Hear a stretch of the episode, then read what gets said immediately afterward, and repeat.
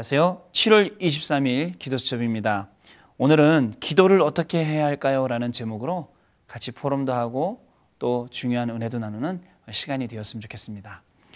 어, 오늘 주시는 하나님의 말씀은요. 신약성경 요한복음 14장입니다. 14절 말씀을 같이 합독하도록 하겠습니다. 내 이름으로 무엇이든지 내게 구하면 내가 행하리라.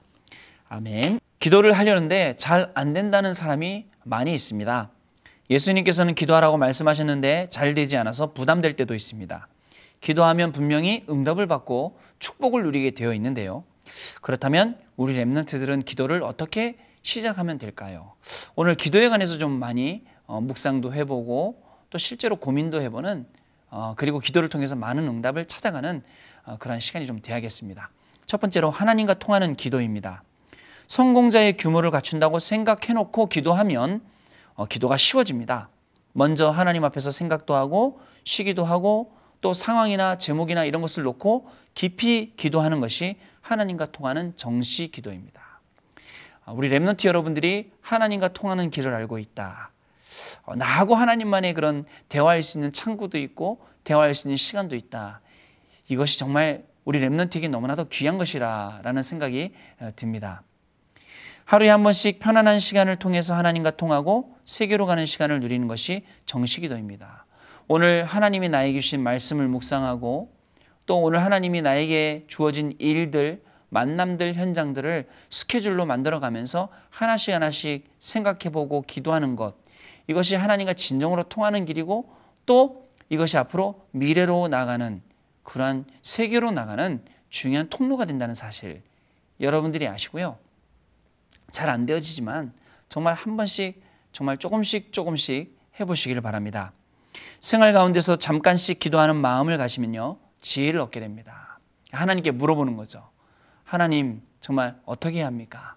하나님께서는요, 정말 우리에게, 하나님 자녀된 우리에게 주의 성령을 보내주시고, 또 순간순간 인도해 주시고, 어, 또 이것이 요셉이 여호와께서 함께 하심으로 형통한, 형통한 자가 된 그런 비밀 아니겠습니까? 이런 비밀을 누리게 되는 것입니다. 어, 이것이 삶 속에서 누릴 때 무시기도인데요.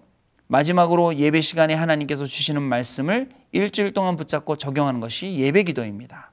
세 가지 기도를 실제로 시작하면 응답이 이어질 것입니다. 어, 대부분 사람들이 기도를 안 하고 있습니다.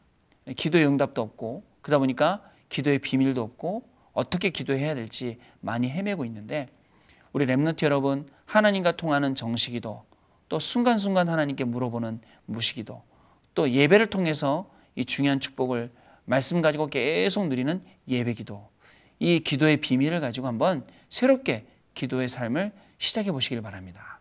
자, 두 번째로 복음을 누리는 기도입니다. 기도 응답을 받으려면 복음을 누리는 기도를 해야 됩니다. 복음을 누리는 기도란 그리스도 안에 있는 축복을 되새기며 기도하는 것입니다.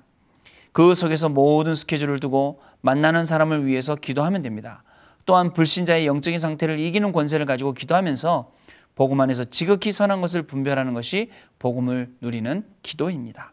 기도의 이유를 발견하고 복음을 누리는 기도를 시작하면 모든 문이 열리게 되어 있습니다. 렘넌트들이 많은 고민을 하고 있습니다. 하나님의 말씀을 어떻게 붙잡아야 할지 그리고 내 주변에는 전도할 사람이 아무도 없습니다라고 고민합니다. 어, 우리 렘넌트 조금만 그런 생각들을 바꿔줬으면 좋겠습니다. 정말 기도 속으로 이 말씀을 가지고 들어가 보면 하나님이 나에게 주시는 오늘의 말씀이 분명히 발견되게 됩니다. 그리고 이 말씀을 누리기 위해서 오늘 나의 스케줄, 일이라든가 학업이라든가 또 만남이라든가 현장이라든가 하나씩 하나씩 매칭시켜서 적용을 시키다 보면 아, 분명히 하나님의 계획이 이루어지는 시간표가 오게 되고 그리고 중요한 하나님의 응답이 시작되게 되는데요. 이것이 바로 복음을 누리는 기도입니다. 복음을 누리는 기도가 시작되고 이 응답 속에서 최고의 증인되는 우리 귀한 렘넌트의 하루가 되시길 바랍니다. 세 번째로 전도를 누리는 기도입니다. 전도를 누리는 기도를 시작하면 눈이 열리게 됩니다. 어, 모든 사건, 모든 사람, 모든 상황이 전도의 문이 됨을 알게 됩니다. 삶의 규모를 갖추면 생활이 안정되면서 이 축복이 보이기 시작합니다. 이때부터 전도의 문이 열리며 나의 모든 것과 연결되기 시작합니다. 내가 하는 공부, 일이 전도로 연결되는 전문성이 회복됩니다.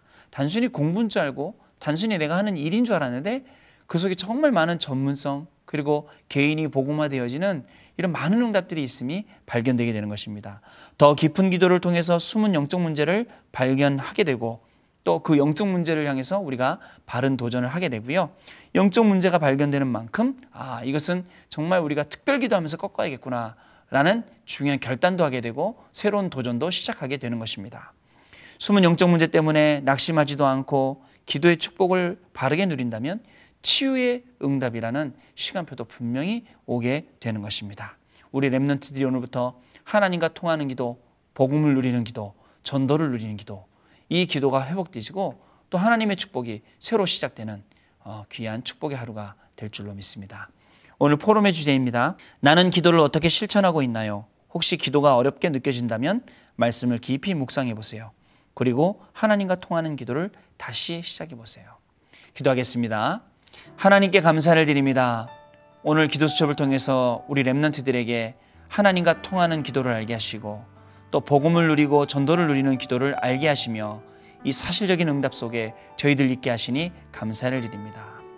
오늘 하나님과 통하는 이 귀한 시간에 복음과 전도가 누려지며 이 일에 증인되어져서 또 많은 전도의 문들을 열게 되며 하나님께 최고로 영광 돌리는 그런 렘넌트 하루가 시작되도록 주의 성령께서 렘넌트 한 명 한 명에게 성령으로 충만하게 역사하여 주옵소서. 우리 주 예수 그리스도 이름으로 기도드립니다. 아멘.